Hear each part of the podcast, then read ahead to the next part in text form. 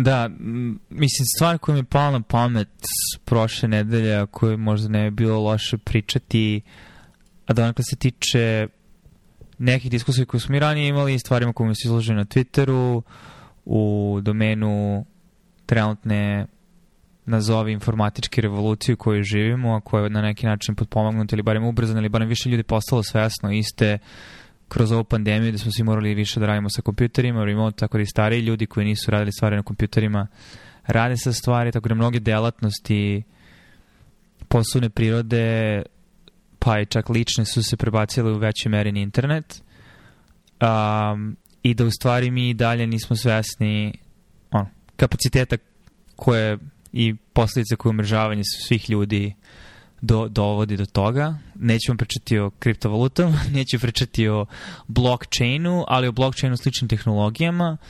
Ali jedna stvar koja mi je pala na pamet je na neki način koliko određene institucionalne stvari, mislim da će se određenim tezama složiti, kaskaju. A, kao prvi primjer, naravno, definitivno, mislim da smo diskutovali o tome novine, koje a, znači čime je određen broj ljudi u svojoj novinskoj kući, znači imaju određenog vlasnika i kako na neki način u zadnjih par godina je definitivno opada poverenje ljudi u medije i tako dalje. Um, I na neki način se pokazuje to transparentni su same institucije, samim tim su očigledni poznacima navoda ono, truli ili šta već. A, I kako sada dosta novinar ide, otvara svoje kolumne, znači ima svoje substackove i tako dalje i i na taj način uspevaju da privređuju, a u isto vreme da oni pravi dobri budu plaćeni direktno strane ljudi umesto da stoje iza imena novinske kuće da se u tom nekom smeru ide. A ono što je meni palo na pamet u stvari, um, a na neki način čega smo već bili svedoci, i u stvari koliko internet kao takav a, nekako slabi uh, a, kanale distribucije koji su postojali ranije. I to se videlo on još ranih 2000-ih u muzičkoj industriji sa še, delanjem a, muzike koja je bila lako deljiva, a, posle naravno i u video industriji i određene kompanije se prilagodile tome. Znači imamo Netflix, imamo Disney+, Plus, imamo YouTube muziku, imamo Apple Music, imamo Spotify, šta god. Znači beskreni streaming stvari, plaćaš određenu cenu. Um, ali mi se čini da neke druge industrije se nisu prilagodile tome da to počnemo sad sve više da vidimo i primjer u kojem sam želao da pričam nakon ovog drugog uvoda u stvari jesu između ostalog um, akademske publikacije um, i, i model kojima se trenutno uh, visoko kotirani žurnali, biomedicinski prevaskodno, ali generalno um, služe i koji je na neki način zastareo, a imam nekoliko ono znakova u ovoj dijagnozi koji mi svedoče o tome. Naprimjer, kada sam pričao sa, sa svojim mentorkom, pričali smo o figurama za rad i to je slikama, što god, graficima i kako ono treba kad praviš grafik da praviš jedan crno-belo i drugi u boji zato što će žurnal ti naplatiti više ili ti tražiti a, dodatnu, a, dodatnu taksu kako već ako treba da publiku u boji što nema veze sa životom s obzirom da verovatno vrlo mali procenat ljudi zaista čita to u distribuciju boja, većina ljudi čita digitalno u PDF. Um, tako da očigledno tu se služe svojim svojom pozicijom gde da su neki način ono što se poznaci navode gatekeeperi, ne znam kako bi to preveo na srpski, ali vratari ili čuvari vrata a, do tih željenih publikacija i samim tim mogu sebi to da dopuste. Mogu sebi da dopuste da imaju ogromne paywallove, gde ljudi samo određenih institucija, čak i ljudi iz institucija akademskih ne mogu da pristupim u situaciji gde autori rade, ne mogu da pristupe svom radu zato što njihova univerzitetska mreža nema pristup tom časopisu. Um, I kao Sci-Hub koji se javio kao odgovor na sve to, uh, Uglavnom ono što hoću kažem je da ako se ubrzo oni ne prilagode tome, jedna od mojih teze je da kultura pre printova će sve više uzimati maha čak i u biomedicini i da je COVID opet kao na mnogi načine bio katalizator svega toga.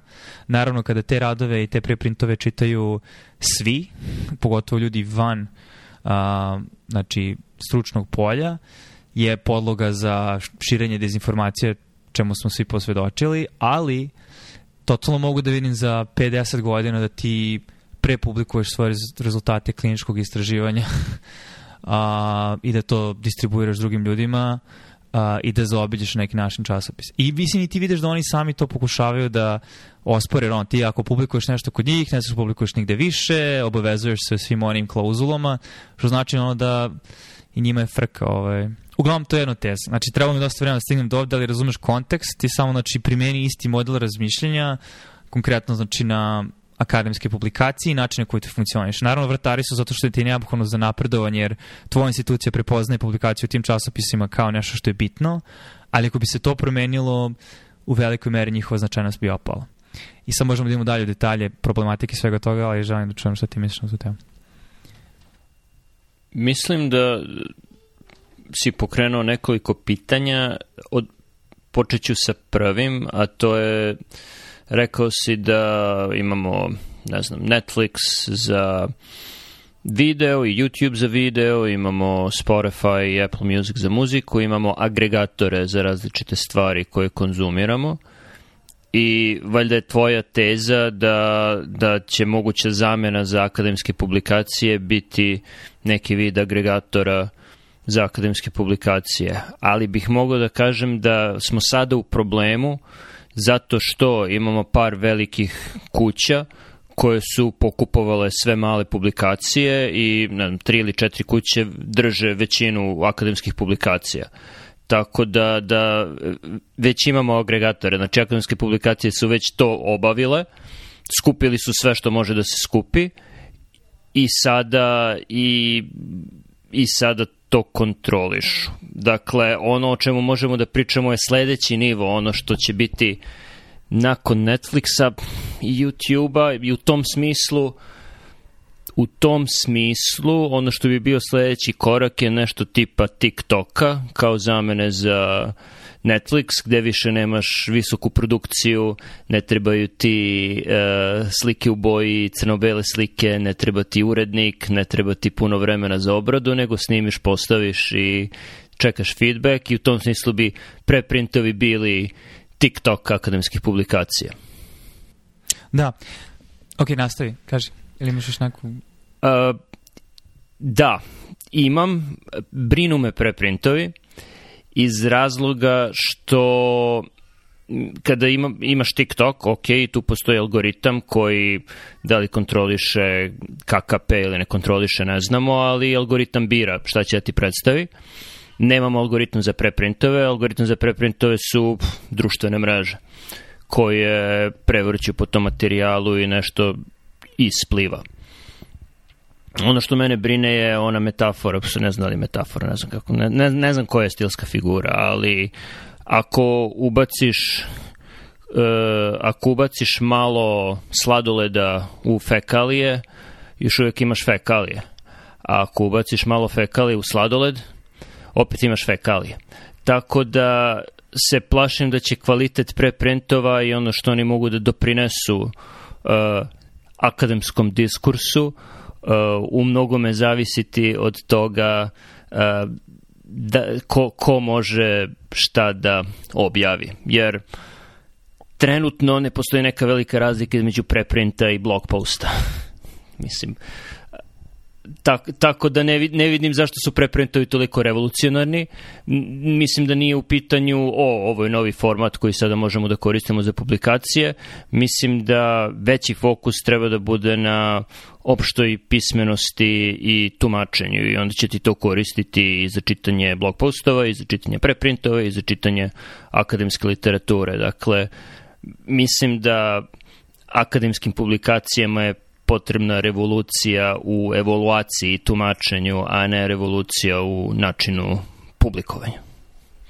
Ok, znači, okay, sad je samo malo zašto tema koju sam ja teo da diskutujem se tiče specifično toga i slažem se da je neophodno i mnogo drugih stvari, ali hajde da zaboravimo na sve te druge stvari, samo se fokusiram na ovo, zašto mislim, hoću kažem samo moja teza je da očigledno velikim umrežavanjem ljudi se javlja ono, ne znam, da stavi ga na kvadrat, stavi ga na kub, uh, um, ono, povećaš verovatnoću da će protok informacija se povećati među ljudima, otvaraš potencijal za generisanje novih ideja, stari kanali distribucije a, ne mogu da dostignu taj nivo distribucije. Kao što pre postojanja a, štamparske mašine ograničeni su bili kanali distribucije, dolazkom štamparske mašine došlo do revolucije u edukaciji i diseminaciji znanja, na neki način se to sad dešava i sa internetom, zato što na neki način da, znači ti sad ako si i tinejdžer u bilo kojoj zemlji sveta imaš pristup internetu, možeš da koristiš C-Hub, da, da skineš rad ako te zanima. Delom mi je to potpomognuto isto gomilo mladih ljudi koji mi baš deluju um, i nadam se da, da će oni biti ta generacija, očigledno ni ti ni ja nismo ta generacija koji će dovesti do te revolucije kao što je Alexei Guzi i drugi ljudi znači, koji se kreću tim krugama gde ono vrlo rigorozno evoluiraju akademsku literaturu i na neki način čak su zbiljnije pristupili svemu tome od samih autora tih radova, pronalaze rupe u svemu tome, greške, tako da ono, na neki način pokazuju koliko taj model zbog svoje zatvorenosti na neki način ograničava kapacitet za naučni diskurs. Slažem se tom. Sada, mislim, jedna od prvih stvari koje meni je ono kontrargument za preprintove je to što ipak jedna od prednosti um, kojih god to bilo problematično, jer postoje naravno trade-offovi, ali jedna od prednosti publikacije, pogotovo presušnim časopisu, ipak jeste recenzija, znači peer review. Iako naravno sad ima tu dosta problema što se tiče ono, ako publikuš u jednom vrlo uskom naučnom istraživačkom polju koji se bavi jednom vrlo uskom disciplinom i jednim problemom, šanse je da ako treba da publikuješ u Nature-u ili nekom velikom časopisu, će ti recenzent biti neko koje je konkurentna laboratorija ili grupa su vrlo visoke i njima nije u interesu recimo da ti publikuješ taj rad toliko brzo.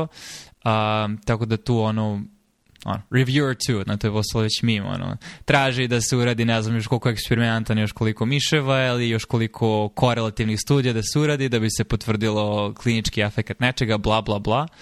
A to je mračna strana toga, koja je, mislim, da velikom je rezultat anonimnosti recenzenta, tako da je recenzent na taj način zaštićen. Ali, s druge strane, naravno, doprinosi kvalitetu radova, jer i tekako, ono, da bi dostigao određen nivo publikacije, to mora da ipak neki, ono, naučni rigor.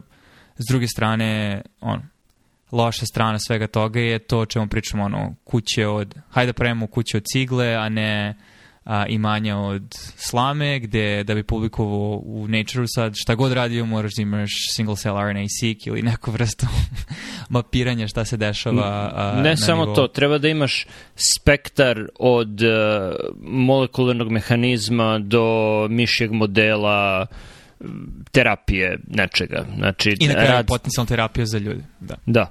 da. Znači, da. idealni pa- nature rad bi se završio sa studijem prve faze. Evo, evo su rezultati da. na ljudima. Zašto treba 15 godina, u principu. Tako da, da, mnogi ti radovi, ono, neće izdržati test vremena, ali će barem samo određeni segmenti tih rezultata bili imati upotrebnu vrednost za buduće stvari, a onda ćeš usput shvatiti da... Jer on, mislim, ne znam, i radom, radom laboratorija, ako sam nešto shvatio, to je koliko, ono, stohasticitet i nasumičnost istraživanja, on ti onda retrospektivno pokušaš, naravno ti validiraš da to jeste rezultat, ali nisi nekim sistematičnim, ti jesi bio sistematičan, ali rezultat je često onaj koji je dobar, onaj koji ti iznenadi i onda gledajući unazad ti pokušavaš da smisliš priču zašto to ima smisla i kako to ima smisla i onda da gradiš dalje, da vidiš šta i kako dalje.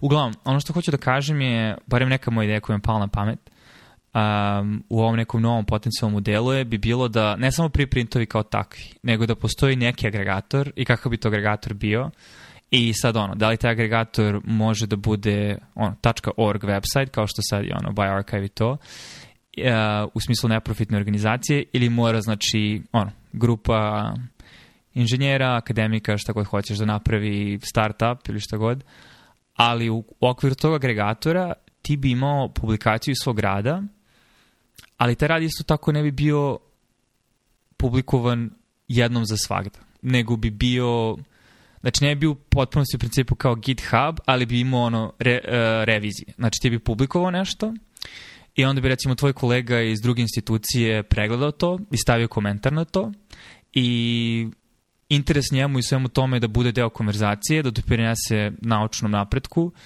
downside, mislim, ono, ako neko ne želi da ti pomogne, neću se učestvovati u konverzaciji, dok drugi ljudi će učestvovati u konverzaciji, samim tim kolaborirat će sa tobom. Uh, I on ti recimo, oni ti kažu, e, ali imate ove rezultate tu, i ti kažu, e, imamo, ok, publikujemo tabelu 2 u suplementu ovog rada, izmenjujemo ovaj pasus, dodali smo ovo, i ti svako može ispratiš recenzije celog tog rada kroz vreme, ali se, ono, komunikacija odigrava uh, u manje diskontinuiranom vremenu, na manje diskontinuiran način. Znaš, isto imaš onaj problem sa publikovanjem gomilno trash radova koji nikad ne dožive uh, povraćaj, to je ono, ne povuku ih časopisi, nego stoje tu decenijama i ko zna ko će kada to da citira. Ovako sve su sve mnogo transparentnije i drugo, uh, znaš, ako imaš ljude koji se smatraju ekspertima u svojim pojmima, naravno, svako može da komentariše ko ima nalog, ok, možda ga ograničiš na akademski ljude, ali ljudi koji ćeš ti potencijalno poslušati ili koji će tvoje kolege ili ljudi koji te unemljuju, ljudi koji te napređuju da poslušaju su oni ljudi koji su se dokazali kao da su vrhunski u svom polju.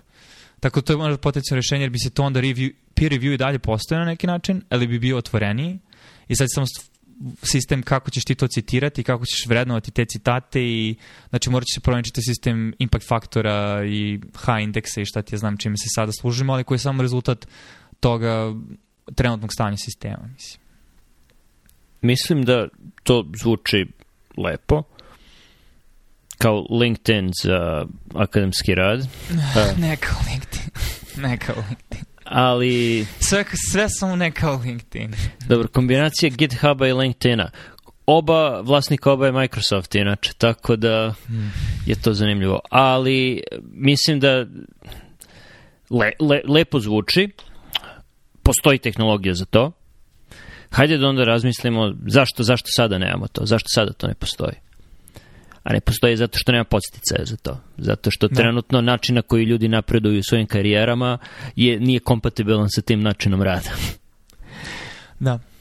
Tako da mo, može jedan startup, može pet, možda sad postoji 20 startupova širom Amerike i sveta koji rade na tome i mogu da naprave neki sjajan takav servis i taj servis neće koristiti niko osim, ne znam, ljudi od ne znam, tinejdžeri do adolescenti rane 20. godine, ljudi koji još uvijek nisu počeli neku veliku akademsku karijeru, a koji su, imaju intelektualnu radoznalost i vole time da se bave, tipa Alekseja, ali čim uđeš u priču, ok, sad radim doktorske studije, sad ću biti docent, vanredni redovni profesor, apsolutno ti nije u interesu da gubiš vreme na to, dokle Ali... god ne postoji podsticaj, dokle god se to ne bude vrednovalo. Dokle god te institucije dalje budu postojali kao vratari svega toga. Ali ono, ne znam sad će složiti s ovim, barem, barem moje iskustvo interakcije sa, barem u Americi, PhD-im i postdokovima je da su oni da se vrši, vrlo jedna specifična selekcija za ljude koji ulaze u to, a to su ljudi koji su požrtovani, vredni, ali isto vrijeme spremni da budu vrlo malo plaćeni veliki deo svog života do u svoje srednje 30. zarad tog vrhunskog naučnog dostignuća ili čega već. A u isto vreme ono, pumpaju karijere svojih mentora koji onda su na tim pozicijama koji su ograničene i to je isto ključna stvar. Što si, on imaš ograničen broj univerziteta, imaš ograničen broj pozicija na univerzitetima, imaš ograničen broj para koji se uglavnom dobiju iz državnih fondova – Um, te samim tim postoji taj koncept on, uh, scarcity, kako bi rekao. Mislim, neki način um, osiromašenosti ili kako već. Mislim, ograničenih resursa. Oskudice. E, to, to. oskudice, oskudice, Da. Oskudice resursa. Međutim, zamisli situaciju kojoj gomila zumera već sada u velikoj meri ima ono, ne gaj nikakve iluzije, pretenzije da je obrazovanje na koleđu nešto što vredi. Znači, milenijali su se zeznuli, što sad svi gomila njih imaju dugove, a nisu mnogo zaposlivi, možda će zoomeri biti ti koji će biti u fazonu, ok, mislim, i drugo, gomila para se napravila sada, biotech postaje sve više zanimljiv investitorima, VC kapitalistima koji su u fazonu, ok, nećemo praviti novi Uber za uh, ulično osvetljenje lupam, ali možda neko hoće da pravi novu vakcinu za neku novu bolest, uh, i hajde da pumpamo pare i da finansiramo ovaj mali biotek, a taj mali biotek je fazon, ok, znači uzet ćemo nekog klinca iz srednje škole koji on ima 18 godina, 17 godina, koliko već, radit kod nas godinu dana, platit ćemo ga nešto, neće publikovati u Nature-u, šta god, ali će preko tog nekog agregatora. Mislim, ću kažem da postoji način da se zobiđu ti sistemi, pogotovo ako ti počneš onda da upumpavaš pare i sa drugih mesta, tako da mm. i sad praviš direktno, i sad recimo ako neko senior, koji je sada lupom na nekom univerzitetu, na nekoj profesorskoj poziciji, prepoznaje da neko mesto publikuje nešto gde je to reproducibilno, čak i transparentnije nego publikovano od strane autora u ovim časopisima gde metodologija nije toliko detaljno objašnjena zato što im nije u interesu da potpunosti jer produkuš rezultati. Fazonu su, ok, vrednujemo ovo, možda će to privući pažnju i dati buy-in od strane i ljudi koji su da kažem malo zaglavljeni u akademiji, a možda će se stvarno stvoriti jedno paralelno polje malo neovisniji od same akademije i samih univerziteta, a, gde će se ljudi baviti naukom, potencijalno vrlo ozbiljnom naukom, um, ali da neće zavisiti od svih tih drugih faktora koji si spomenuo, a koji su neophodni za unapređenje i, u, i napredovanje u naučnoj karijeri. Iskreno bih voleo da je tako. Ti predlažeš uh, komercijalnu industriju kao alternativu koja bi izgradila taj novi sistem – nažalost, oni imaju još manje podsticaja da takav sistem postoji, jer svaka firma želi da štiti svoju intelektualnu svojinu, ako imaš nešto gde ti otvoreno stavljaš rezultate svojih eksperimenata i onda neko sa strane daje da je savete, ti uništavaš svoje pravo da patentiraš to, jer si objavio to svima i onda ako neko da neku ideju, ili to njihova ideja, ili to tvoja ideja, čije je to ideja, Nijedna firma neće to da radi jer nijedna firma neće moći da dobije novac od bilo čega što sazna tim putem. Tako da automatski taj, taj deo otpada. Mislim Osim, da razlog... Ako to ne bude smart contract da ti u tom blockchain sistemu plaćaš za svaki citat a, određenu količinu okay. neke kriptovalute. Znači, sad smo prešli od nečega za što postoji tehnologija već 20 godina na nešto za što neće postojati tehnologija sledećih 20 godina. Tako da, ok, možemo da maštamo o tome. No. Da. To, to, to još ne postoji. I ne znam kada će postojati. Ono zbog čega sam naročito pesimista je što ne postoji uh, takav sistem deljenja, komentarisanja, saradnje, čak ni u zatvorenim organizacijama.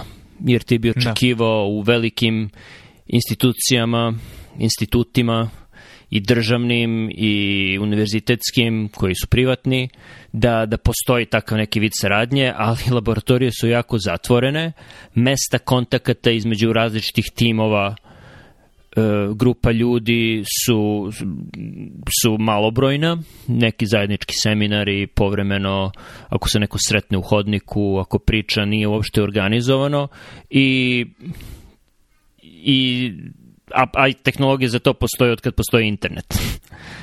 dakle, i, i to mi je malo, i, i, i to mi izaziva još veći pesimizam.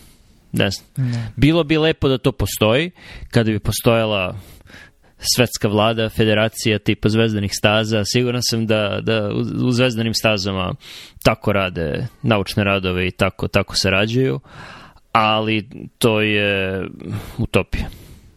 Da.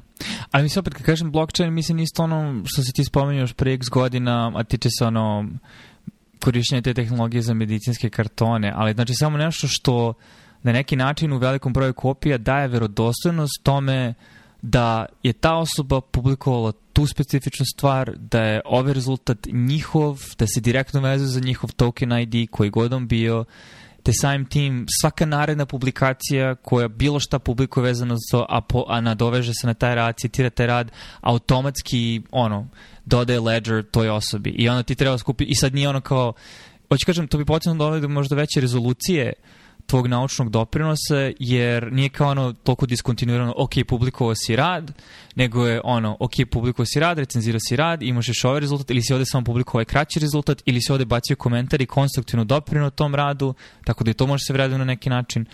Um, I samim tim onda skupljaš po znacima navoda određen broj poena, koji onda može se koristi u službu akademskog napredovanja. Ali slažem se, mislim, to definitivno nije u interesu ljudima koji su trenutno vratari tih pozicija, i on.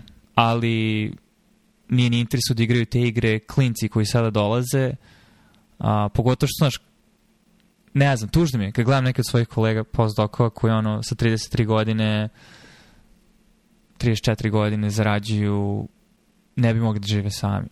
Mm. A rade. I rade već 10 godina. I po znacima navoda su plaćeni. Mm. A kakva ih budućnost čeka? I gomila njih odi u industriju posle. Zato što fazonu ne žele da igraju tu igru akademskog napredovanja.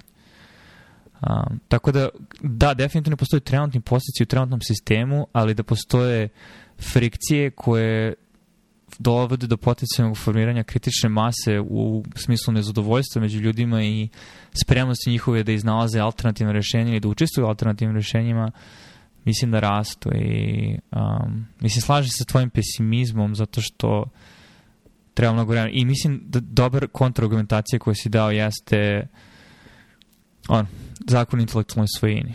I a, svi znamo koliko vremena treba da se promene zakoni, tako da a, to je možda čak i najveća barijera ka svemu tome. Smislio sam još jedno, kao da ih nema dovoljno. Uh, nisi čitao Three Body Problem. Mm. Jesi čitao? Nisi? Ne.